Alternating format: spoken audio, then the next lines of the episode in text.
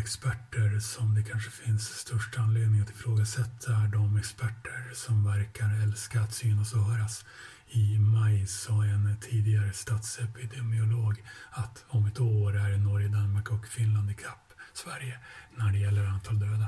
I maj skrev jag även på framtidsland.wordpress.com på sidan Skön så här den sorts ofta äldre